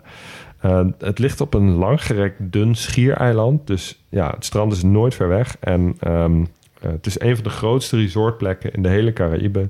En het wordt ook echt beschouwd als een van de mooiste stranden ter wereld. Ja, ik ben er geweest in 2010. In zo'n resort. nee, ja, wij- maar wij vlogen dus wel op Varadero.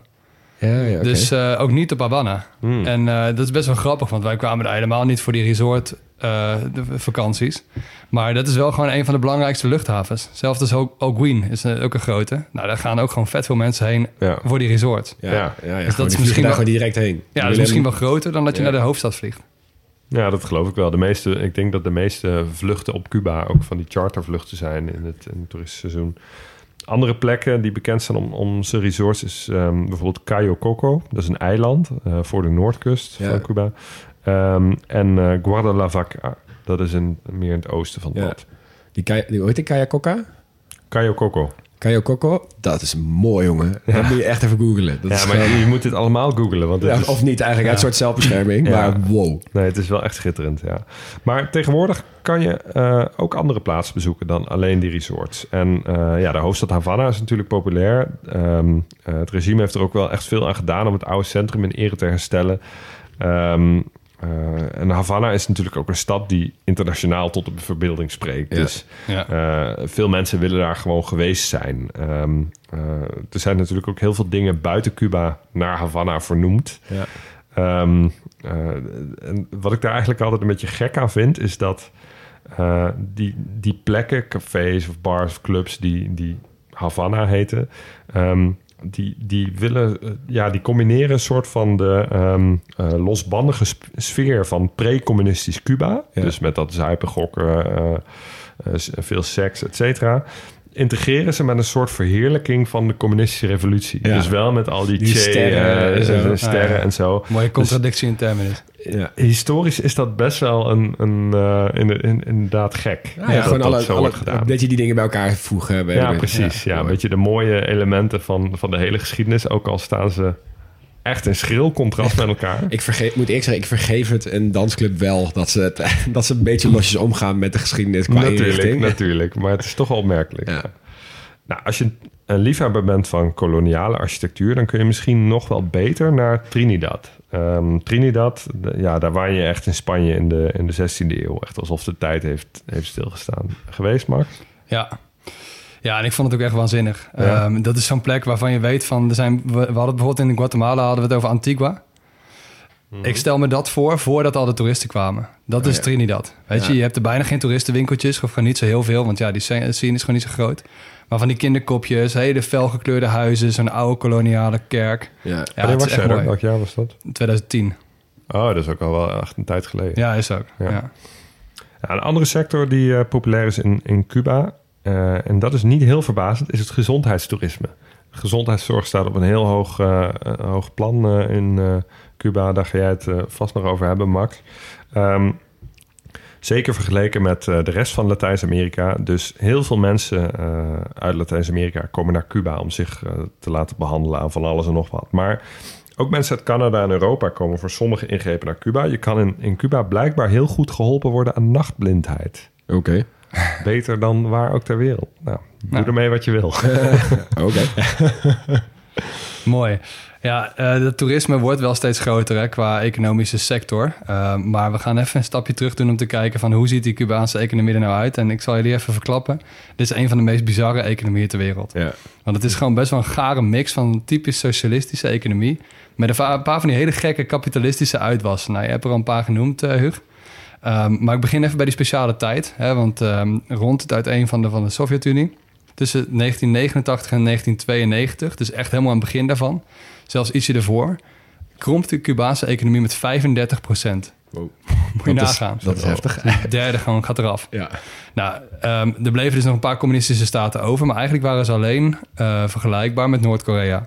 Mhm. En waar Noord-Korea de wereld gewoon een soort middelvinger gaf is Cuba er steeds meer gaan, gaan openen. Ja. En wat gek is ook een beetje, is dat die dollar, de Amerikaanse dollar, langzaam werd geaccepteerd weer als handelsmiddel. Ah, Ja. Dus Ja. je kunt daar weer nu met dollars betalen. En ik las ergens, ik wil je die niet onthouden, ehm, de vergelijking, dat is een beetje alsof je op een conferentie van vegans kunt betalen met pulled pork. Vet goed. Ja, supergoed. Nou, um, maar goed, in ieder geval, Cuba opent zich langzaam. En niet te vergeten dat dit wel de eerste keer is dat zij, dus de Cubanen en niemand anders, verantwoordelijk zijn voor hun eigen economie. Want je had daarvoor heb je de Spanjaarden en dat had je de Amerikanen. En toen Ja. hadden ze met de Mm. Russen alles het een en ander. En nu kunnen ze het gewoon zelf doen. Ze zelf een broek omhoog houden. Ja, en dat levert dus feiten op als eh, 99,8% alfabetiseringsgraad. Ja. Uh, een Ja. kindersterfte vergelijkbaar met Canada en Nieuw-Zeeland. En dus een levensverwachting, we hadden het er al even over, die hoger is dan de VS. Ja. Ja, ook wel echt. mooi. hè? Ja. Nou, kortweg, de zorg is goed. Niemand gaat dood van de honger, maar het is ook geen vetpot. Maar uh, wel wat gekkigheden in die economie. Um, en dat komt dus als je gewoon zo lang geïsoleerd bent van de wereld... dan treden er gewoon best wel vreemde dingen op. Ja. Nou, ik ga er even eentje noemen. Die kun je dus zien als ze fel gekleurd door, het straat, door de straten rijden. Ja. En dat zijn dus de auto's. De auto's Ja. in Cuba, dat zijn eigenlijk bijna een toeristische attractie op zich. En nou, hoe zijn die daar nou gekomen? Even voor de achtergrond. Er rijden fucking veel oude, heel oude Amerikaanse auto's rond. Voor de revolutie was Cuba al een soort van proeftuin voor de Amerikaanse auto's. Want ja, het was een soort verzalstaat.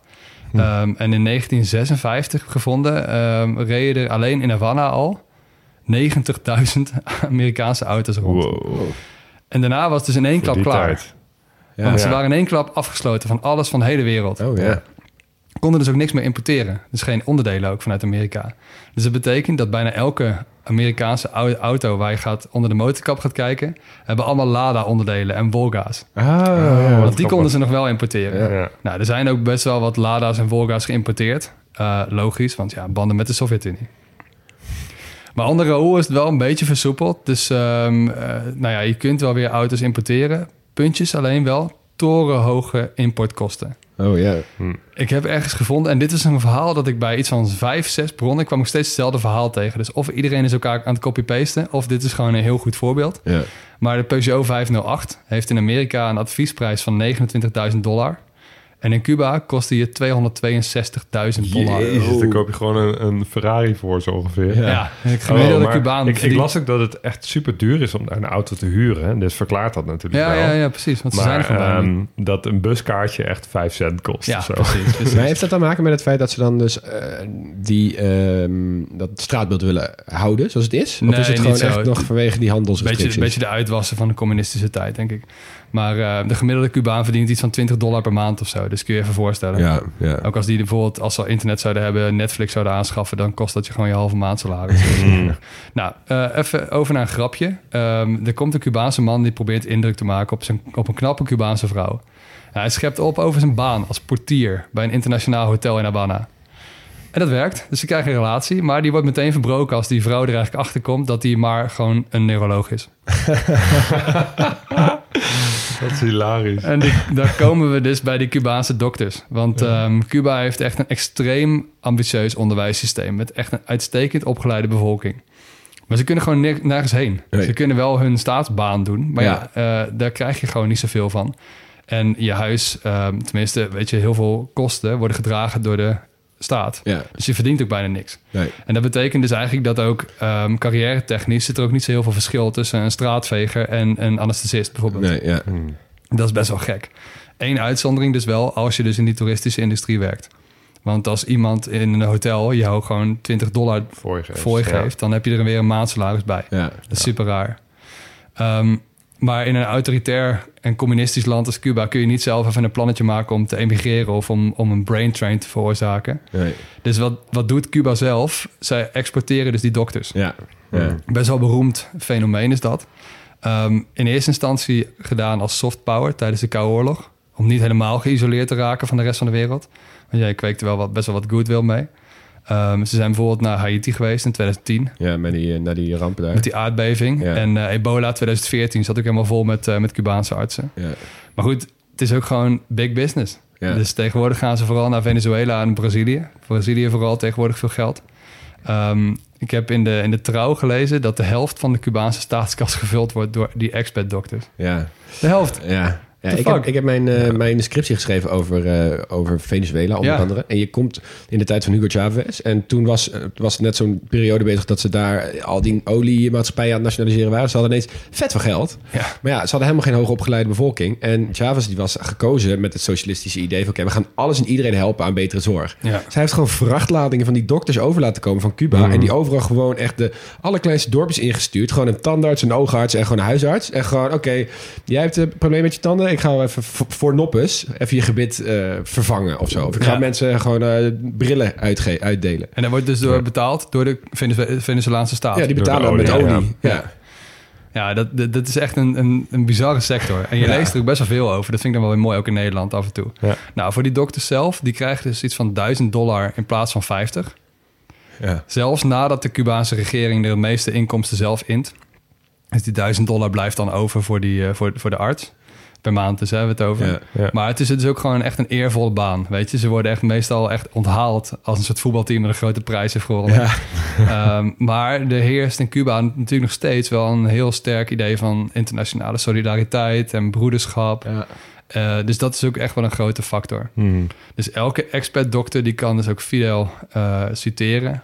En dat is namelijk andere mensen en volken helpen betekent je schuld afbetalen aan de mensheid. Nice. Det That's more ass later. One motto. Two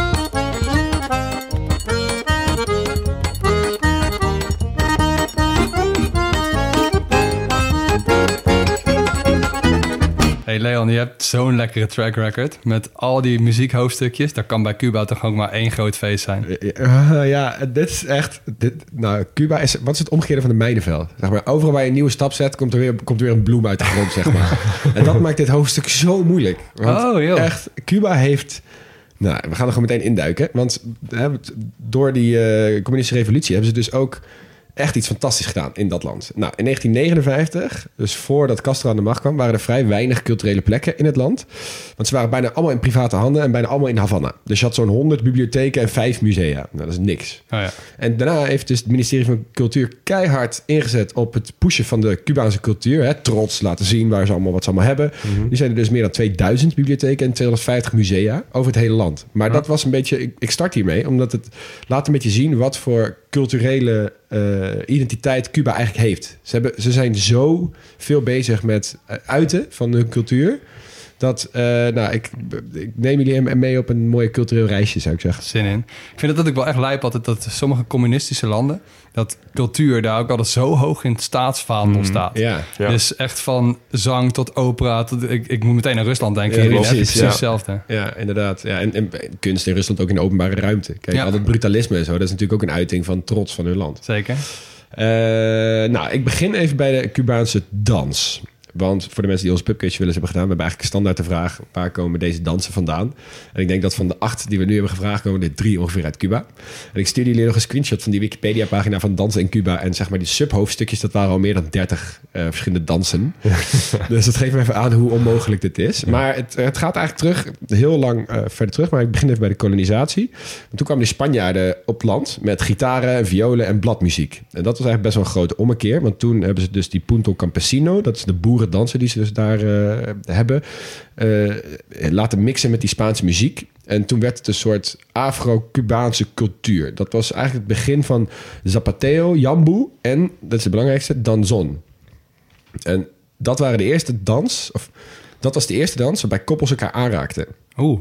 Dus eh, heel interessant, want eh danzon is dus nu de officiële dans van Cuba. Het is heel langzaam, elegant. Het, een soort, het lijkt wel een soort, ja, weet je, eigenlijk al die stijldansen van Cuba zijn heel zwoel, toch? Heel erg zo van, oh wow, mensen zijn echt met heel erg met elkaar aan het flirten en er worden helemaal insinu- allemaal insinuaties gedaan.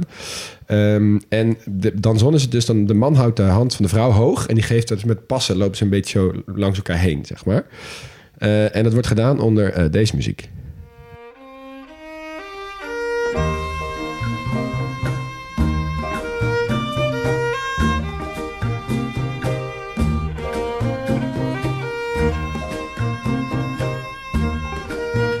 Er zitten drie mannen te bewegen hier. nu wel. Waarschijnlijk niet, eh, Je niet hebt het voor elkaar. Ja. Niet voor het laatst, denk ik. Nou, dit is Ibrahim Ferrer met het nummer Bruca Manigua. Ehm, en dus, de, de danzon is een beetje de moeder des danses. En daar komen al die andere dansen komen daar weer een beetje van af. En die gaan dan weer met elkaar andere dansjes, de extra pasjes. En ik heb het idee, ik ben geen expert, dat moet ik ook even zeggen, wel liefhebber. maar eh, volgens mij zijn die meeste dansen, dat is echt gewoon een kwestie van iets andere ritme, iets andere muziek en iets meer pasjes in je standaard pasjes. Eh, zo komt bijvoorbeeld ook Roomba. Dat kennen jullie waarschijnlijk ook wel. Eh, dat woord zelf komt uit Spanje. betekent letterlijk feest. En het is eigenlijk de muziek waarbij de zanger een verhaal doet. Enkel begeleid door percussie. Van trommels of conga's of, of iets in die trant. En de mensen die eromheen staan, die dansen, zingen en klappen mee. Dus dan krijg je dus eh, dit soort muziek.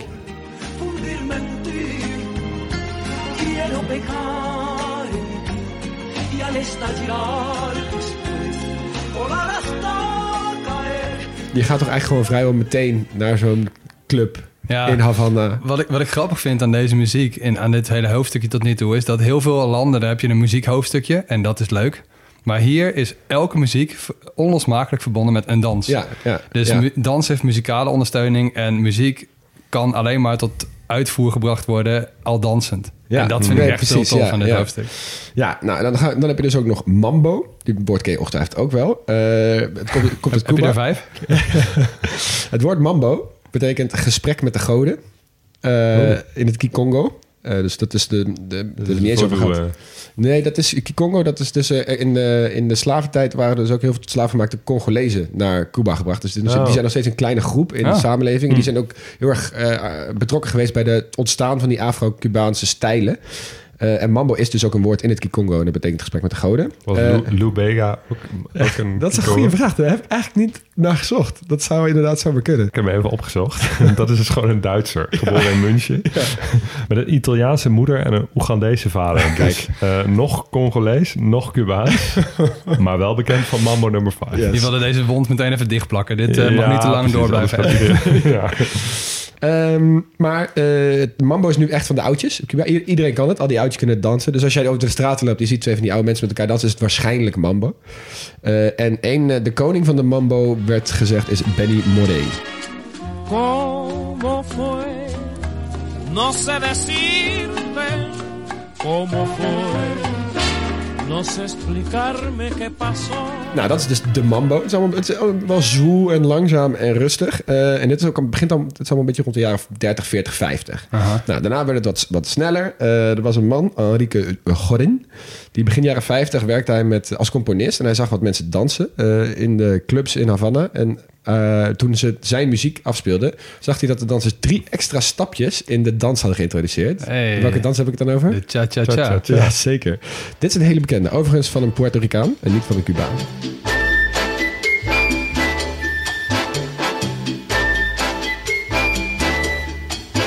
Nou, dit is Tito Puente met Oye Como Va. Ik, als ik dit hoor, ik vind het zo kut dat ik niet van die Cubaanse heup heb. Ja, Oh joh, dat weet die je. Cubanen, dat is, het, dat is het, het, het, het- die- die lui die gaan echt al naar een dansles. Volgens mij, als ze kunnen lopen, kunnen ze dansen. Ja, maar dat is toch lekker om Ja. dit gewoon te kunnen? En er zit dus een heel mooi stukje geschiedenis ook in. Want je had dus vroeger, omdat het dus heel die clubs waar, ze, waar iedereen wilde dansen, die waren allemaal private clubs. Dus el- elke, elke groep op, in het land had zijn eigen clubjes gemaakt, zeg maar. En was er bijna wat, was die toegestaan op een soort openbare club te hebben waar iedereen naar binnen kon lopen. Eh, nog één dans die ik wil noemen, die eh, iedereen associeert met Cuba, maar niet Cubaans is. Salsa. Het is eigenlijk, salsa is eigenlijk het, het liefdeskindje van Puerto Rico en Cuba, geboren in New York Oh ja.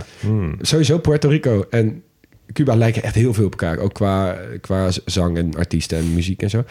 Ehm, maar eh, je hebt wel dus de Cubaanse salsa. Die staat dus heel erg bekend voor eh, boven de riem. Zeg maar, de bovenlichaambewegingen. Dus veel meer het draaien en het vasthouden van je. Ik doe het nu na voor de microfoon. Dat is leuk. Dat niemand ziet er heel sensueel uit.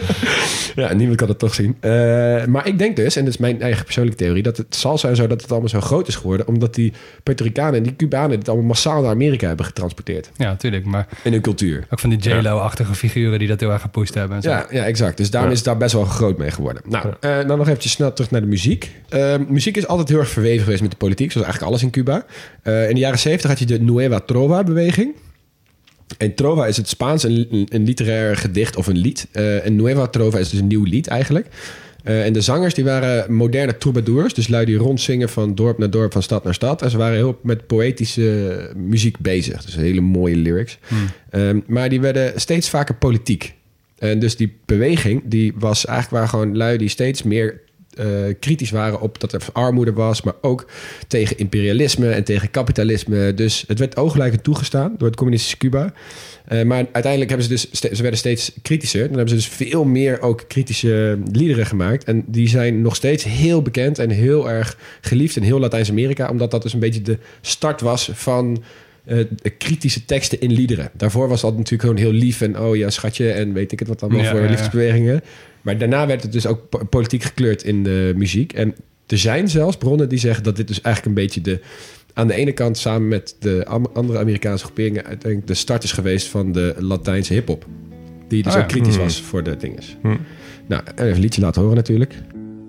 Yo pisaré las calles nuevamente de lo que fue Santiago ensangrentada. Nou, je, je kan Mooi wel, wel. Ja, precies. Maar je kan wel horen, het gaat hier meer om de tekst en om, Ja. het, om de muziek. En daarom kennen wij het in West-Europa eigenlijk niet. Maar in, in Latijns-Amerika kent echt iedereen eh, deze stijl. Dit was overigens Pablo Milanes met de Yo pisaré las calles nuevamente. Nou, nu moeten we het hebben over wat de Cubaanse muziek wereldwijd tot echt de absolute hoogtepunt heeft geschopt. Namelijk, De Buena Vista. Social Club. zeiden zij in koor, zeker. Echt een beetje zo'n soort van huiskamer lieveling van Nederland, Nou, nou, ik moet altijd denken dat zeg maar, als de eerste lentestralen in Nederland binnenkomen... dan gaat er altijd wel ergens een huis open... en dan hoor je weer Buena Vista Social Club uitkomen. Dat iedereen het associeert met lekker zomerig. Ja, ik, Ik werkte in een, eh, in een eh, restaurantje met een mediterraanse inslag in eh, Nijmegen. En dit was eigenlijk gewoon de cd die we altijd draaiden. Iedere avond. Dus wij werden er helemaal gek van. dat zal, ja. ja, dan staat Nijmegen natuurlijk ook bekend als Havana aan de Waal. Ja. Ja, hey, lekker.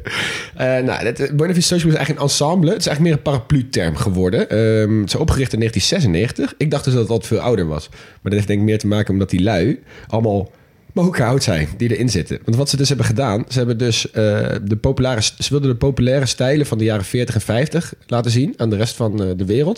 Toen hebben ze allemaal ervaren muzikanten. En van wie sommigen dus al vele jaren met pensioen waren. Hebben ze dus weer opgetrommeld van... Joh, we gaan die muziek weer populair maken. Het is ook dus eh, genoemd naar een van die clubs... waar ik het net over had. In de Buena Vista wijk. Dus die social club. Hè, van Oh de, ja. de, de club. Ehm, nou, en la- maar laten we gewoon meteen beginnen met denk ik hun allergrootste hit.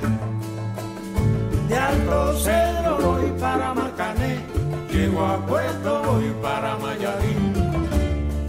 Iedereen kent dit nummer, denk ik Ja, wel. sowieso. Ehm, De eerste klanken zijn echt al zo iconisch. Exact. Nou, en dat, dat hadden ze de rest van de wereld ook wel door. Er kwam meteen een documentaire en het succes was gigantisch. En er kwam heel veel aandacht voor de traditionele Cubaanse muziek en de Latijns-Amerikaanse muziek in het algemeen ook. Die eh, kregen echt een intense boost.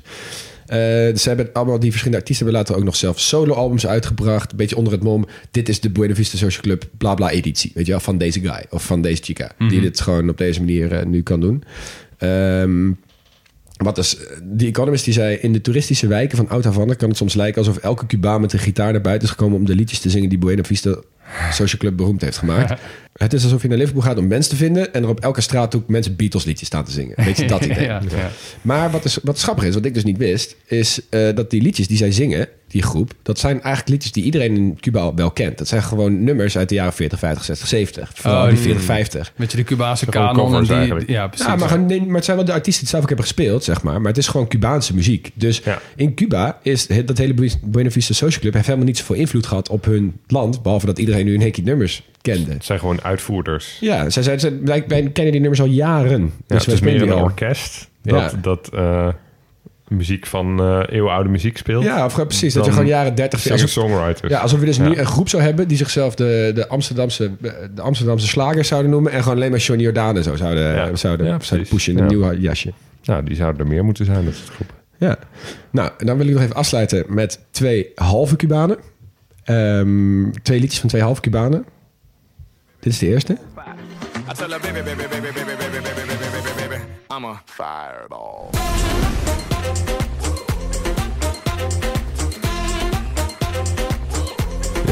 Ja, nou, Mr. Worldwide, Pitbull. Ja. volgende. Ja? ja, hij heeft wel groot gemaakt. Ook veel blazers en zo erin. Dus ook wel een beetje die Cubaanse stijl natuurlijk Ja. heel, erg, eh, heel erg erin eh, gedaan. En nu eentje die jullie sowieso kan bekoren. Somebody hit so we can rock it day and night.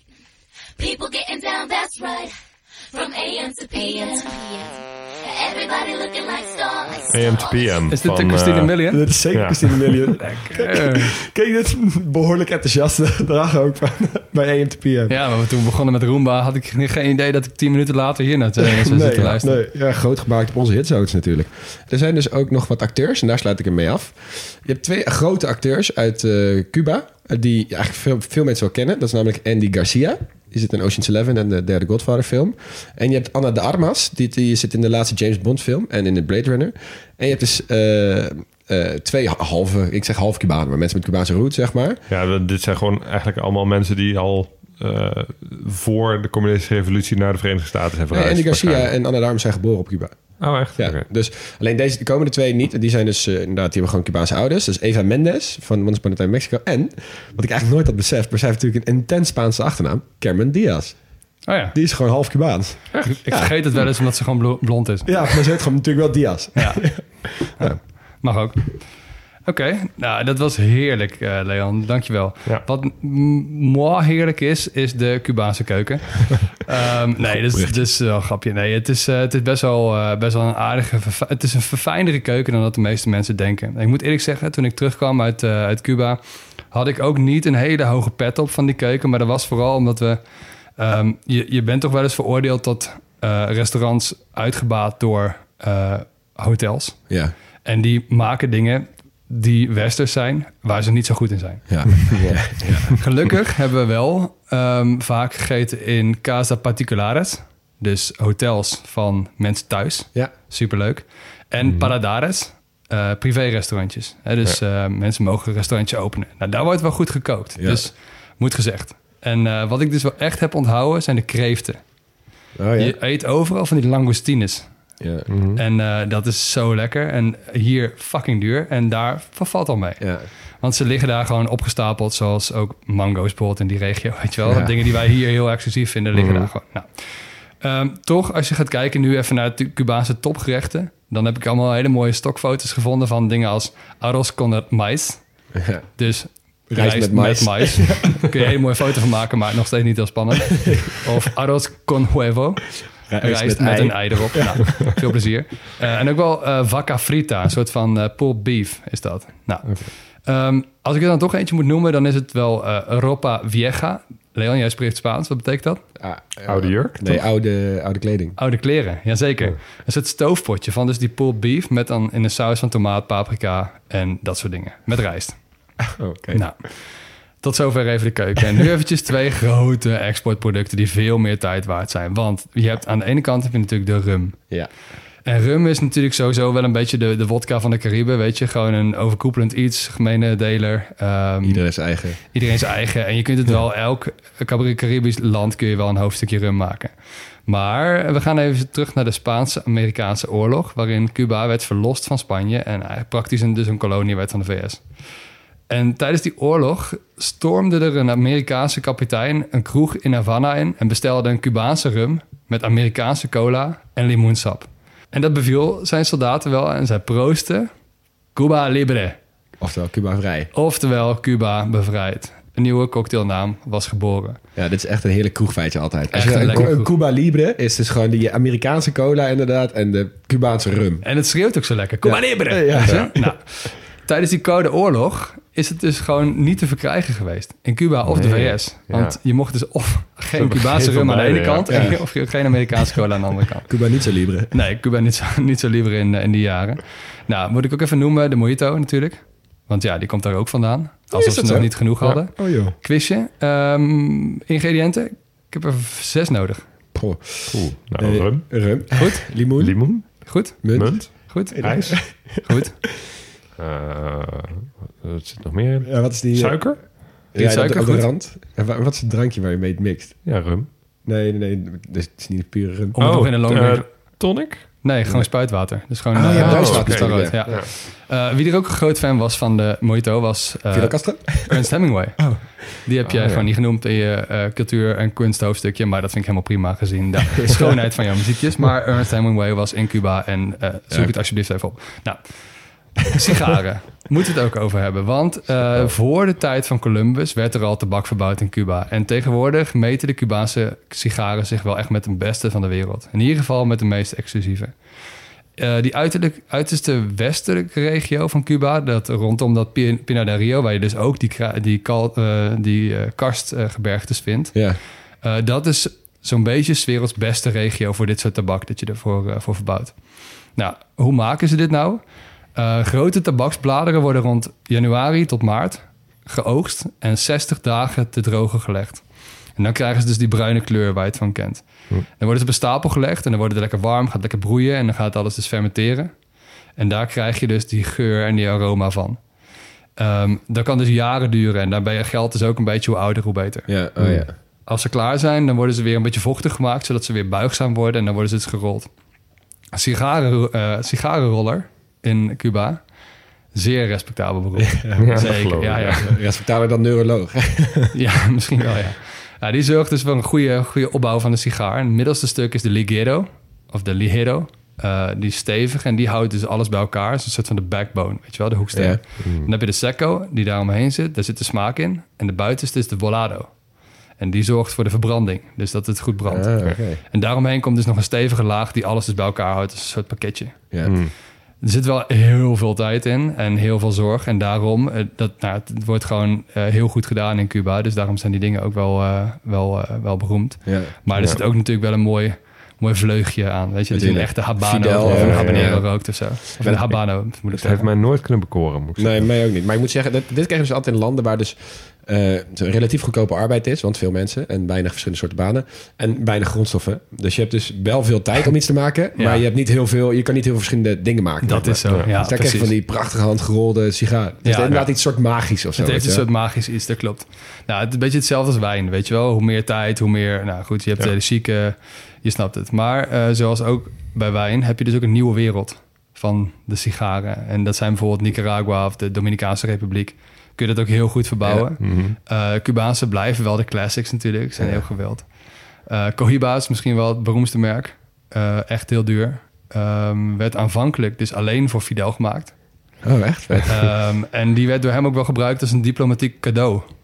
Best wel grappig. Ja. Die, die, eh, die waren dus alleen maar op die manier te verkrijgen. Dus je moest eerst even de baas van een land worden. Ja. Dan kreeg je een echte Cohiba. ja, dat zijn toch sigaren van echt 500, 600 euro of zo? Ja, en kan nog wel veel duurder worden. Ja, dat is echt een idioot. Ja, het grappige is wel, dat een leuk feitje, eh, dat eh, JFK was een groot fan.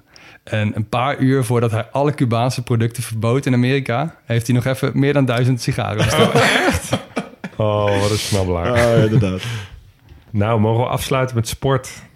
Ehm, nou, kom er maar in. Olympische Zomerspelen. Gratis. Poeh, ze hebben wel echt met honkbal en met boksen hebben ze wel flink, wat, eh, flink met medailles gehaald. Ik denk eh, 15 goud. In totaal 30 medailles of zo? 40 Ik denk, medailles? denk ietsje minder, maar wel een land met veel potentie. Ja. Jullie zitten er echt heel erg naast. Oh. Cuba is echt ziek goed in sport. 84 gouden medailles, Wow, 69 zilver, 82 brons. Ze staan 18e op de medaillespiegel aller tijden van de hele Oh, wereld ik had het natuurlijk kunnen weten. Als je ook aan Oost-Duitsland denkt en zo, weet je, het wordt daar natuurlijk wel gehyped. Als, ja. Ze zijn in de Amerika's het best presterende land na de Verenigde Staten. Beter dan Canada. Ja. Ja, beter dan Canada. Ehm, eh, eh, al haalt Canada medailles vooral op de winterspelen. Ja. En daar heeft Cuba nog nooit aan meegedaan. Nee, maar Ja, En dat daarmee voorstellen. zijn ze ook het best presterende land op de zomerspelen... dat nog nooit heeft meegedaan aan de winterspelen. hier, zie je? Gewoon pieken bij je wat je goed kunt. Precies, ja. Maar ja, ze zijn dus echt mega goed in zomersport. Ehm, hoe komt dat nou zo? Daar, daar ga ik jullie even meenemen. Voor de revolutie was sport eigenlijk voorbehouden aan de elite in, Cuba. Dus het is niet verbazend dat in, in 1900 en 1904... de eerste medailles op de Olympische Spelen binnen werden geharkt met elite sport, Paardrijden, pola, Nee, schermen. Oh, ja. Ja, Ehm, nou, dat was een beetje een toevalstreffer, want daarna kwam er heel lang niks. Eh, geen enkele medaille. Ehm, maar na de revolutie werd sport eigenlijk een beetje het uithangbord van de communistische staat. Oh, ja. Ehm, Fidel Castro vond bovendien dat iedereen in staat moest worden gesteld om te kunnen sporten. Dat is natuurlijk ook een beetje een idee, een ja, communistisch idee, zo. precies. Ja. En dat had al snel succes. Vanaf de jaren 70 vielen de medailles echt met bakken uit de hemel. Nou, hoe hebben ze dat nou voor elkaar gekregen? Ehm, lichamelijke opvoeding in Cuba is heel belangrijk, al heel jong, net als, als dans, Dans, bijvoorbeeld. Ehm, ik heb zelfs gelezen dat, eh, dat het begint eh, bij baby's van eh, anderhalve maand oud. Worden moeders al gestimuleerd om de ledematen van hun baby's te trainen en hun spieren te masseren. Zodat ze lekker kunnen gaan schermen. Later worden kinderspelletjes gestimuleerd die vooral veel fysieke inspanning vergen. En er is een heel uitgebreid systeem van schoolsport. Dus ehm, eh, iedere school op Cuba doet mee aan een soort nationale jeugd-Olympische Spelen in een soort toernooivorm. Dus eerst op lokale schaal, dus de scholen uit één stad tegen dorp, elkaar. Nou, daarna op regionale schaal en uiteindelijk op, op nationale schaal. En wat wel grappig is, bij teamsporten wordt er na iedere ronde een nieuw team gevormd van de beste spelers van verliezende teams die zijn afgevallen. Oh, ja. vet. Dus op die manier, Oh, je is al wel bezig. ja, daar hou je jezelf bezig. Maar het is dus ook zo dat, dat als er ergens een heel groot talent is, wat gewoon niet zo'n heel goed team heeft, in een honkbalteam bijvoorbeeld, Ah, ja, slim. Ehm, die kan dan alsnog in de, op het nationale niveau terechtkomen. Omdat hij gewoon wordt geselecteerd als van... oké, jullie hebben verloren, maar jij was wel heel goed. Ja. Ja. Eh, dus kom er even bij. Ja. Ja, precies. Dan krijg je een soort gelegenheidsteams. Ehm, eh, dus dat is een voordeel. En eh, getalenteerde, getalenteerde jongeren worden al heel vroeg geselecteerd voor sportopleidingen. Ja. Waar ze dan dus eh, intern op school ergens komen en heel veel tijd kunnen investeren in de sport waar ze goed in zijn. Ehm, nou, na hun carrière worden sporters ook ge- gestimuleerd om trainer te worden. Ehm, nou, we hoorden verhalen van Max over eh, dokters eh, in het buitenland. Maar dat geldt ook voor trainers. Want er zijn in Cuba gewoon heel veel goed opgeleide trainers. Ja. En eh, die worden dus ook in het buitenland ingezet. En dat levert de staat natuurlijk ook een aardig zakcentje op. Ehm, hetzelfde gebeurt ook met topspelers uit, uit bijvoorbeeld de honkbalploeg. Die heb je ook veel, jongen. hè, Die Cubaanse uh, Ja. Ja, ja. Ja.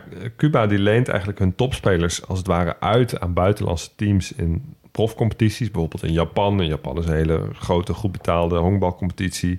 En ook dat eh, levert de staat natuurlijk aardig wat geld op. Ja. Maar mogen zij dan ook in de Major League spelen? Nou, eh, je hebt dus José Canseco. Die is geboren op Havana. Eh, en die is eh, in, eh, 2000, of in eh, 1985 heeft hij gedebuteerd voor de Oakland Athletics. Dus hij is geboren Cubaan, maar hij mocht daar wel spelen. Ja, Dus ik weet, ik ken verder zijn achtergrond niet. Kan ook zijn dat hij gevlucht is bijvoorbeeld. Maar hij is in ieder geval, hij mocht daar wel spelen. ja, ja. nou, ja, dit, dit soort con- constructies zetten ze dus op die manier in. Ehm, wat wel opvallend is, is dat eigenlijk de sporten waar ze zo goed in zijn, zijn Amerikaanse sporten. Dat heeft natuurlijk weer te maken met Ja. die geschiedenis waarin ze cultureel best wel aan, aan Amerika eh, gelieerd waren. Nou, ja, honkbal zijn ze heel goed in, maar ook basketbal en volleybal zijn heel groot. zijn ook Amerikaanse sporten. Ehm, Fidel Castro was zelf ook een verdienstelijk honk en vooral eh, basketballer. Ja. Dat Wat wil ik graag zien. niet? Die guy, echt. duiken. Maar ik, ik, ik zat ook te denken, toen, toen ik dit las van... zou eh, bijvoorbeeld Poetin ook ehm, eh, naar Fidel hebben gekeken... als hij zichzelf laat fotograferen een in paard. blote bast... als Ja. hij weer ergens aan het vissen is in Siberië... of op een paard zit en jagen of wat Maar dan als je toch een Caribisch, eh, marxistisch-leninistische eh, staatsleider bent... nou, dan zou ik mezelf ook al met een grote honkbalpet en, een- en zo'n knuppel willen Ja, fotograferen. Met, met zo'n goede baard eronder. Ja. Ja. op. Ja. Maar de meeste medailles hebben ze gehaald met boksen. En eh, na de Verenigde Staten zijn ze het best presterende boksland op de Olympische Spelen. Zo. Ja. Dus het is echt een boksgrootmacht. ja, ik box zelf. En Mhm. bij ons was het altijd bij de bokschool gingen mensen dus gewoon twee keer per jaar naar Cuba op een soort trainingskamp. Joh. Ja, die gingen Oh. daar gewoon heen. Omdat ze zeiden van ja, het is niet zozeer dat zij nou eh, specifiek echt eh, heel erg, hoe zeg je dat? Dat het gewoon, dat zij een stijl hebben of zo, dat het iets anders is. Nee, ze zijn gewoon vet goed in trainen de hele tijd. Ze, Ja, doen- ja. ze trainen non-stop. Ze zijn overal de hele tijd mee bezig. Vanaf jongs af aan al zit het in hun systeem. Dus ze- Ja. ja. je krijgt daar gewoon, de allebei wat jij zegt, die, die oude topsporters, al die gouden medaillewinnaars, Ja. die lopen er allemaal op die sportscholen af om Ja, al die dat gasten te trainen. Ja, ja, ze hebben die is inderdaad, weet je. Want het heeft twee kanten. Enerzijds sturen ze dus die trainers naar het buitenland, verhuren ze ze eigenlijk. Maar anderzijds nodigen ze ook heel veel sporters uit andere landen uit om in Cuba te komen trainen. Ja. Dus, ja. Lennings, ik begin al steeds meer te schamen voor ons antwoord. Cuba is wel echt een goed sportland. Ja, ja, inderdaad. Zeker.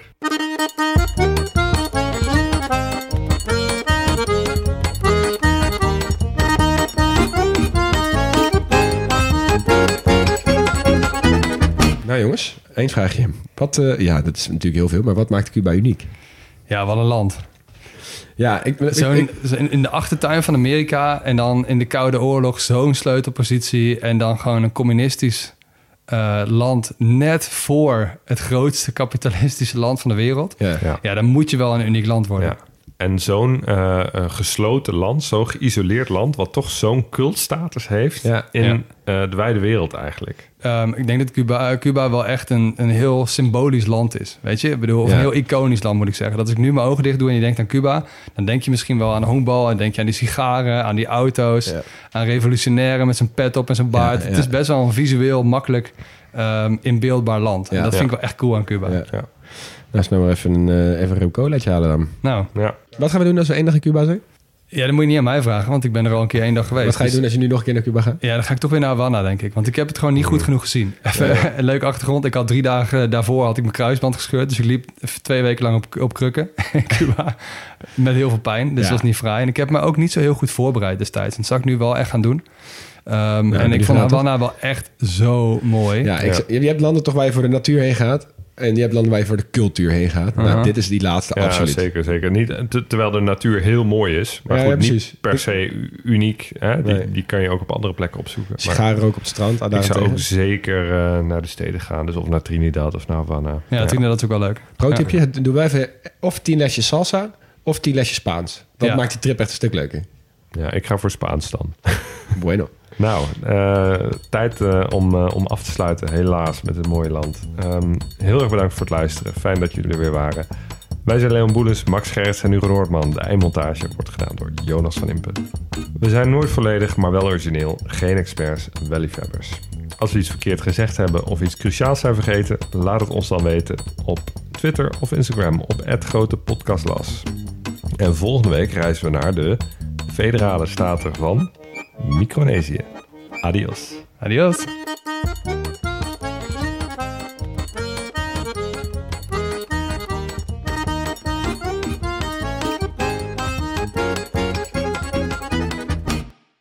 Yo, luisteraar. Luister je nog steeds? Klasse, man. Je hebt er gewoon helemaal afgeluisterd. Nou, nu je tot hier bent gekomen, koop dan ook gelijk even ons boek, hè. grotepodcastlas.nl slash boek. Doei!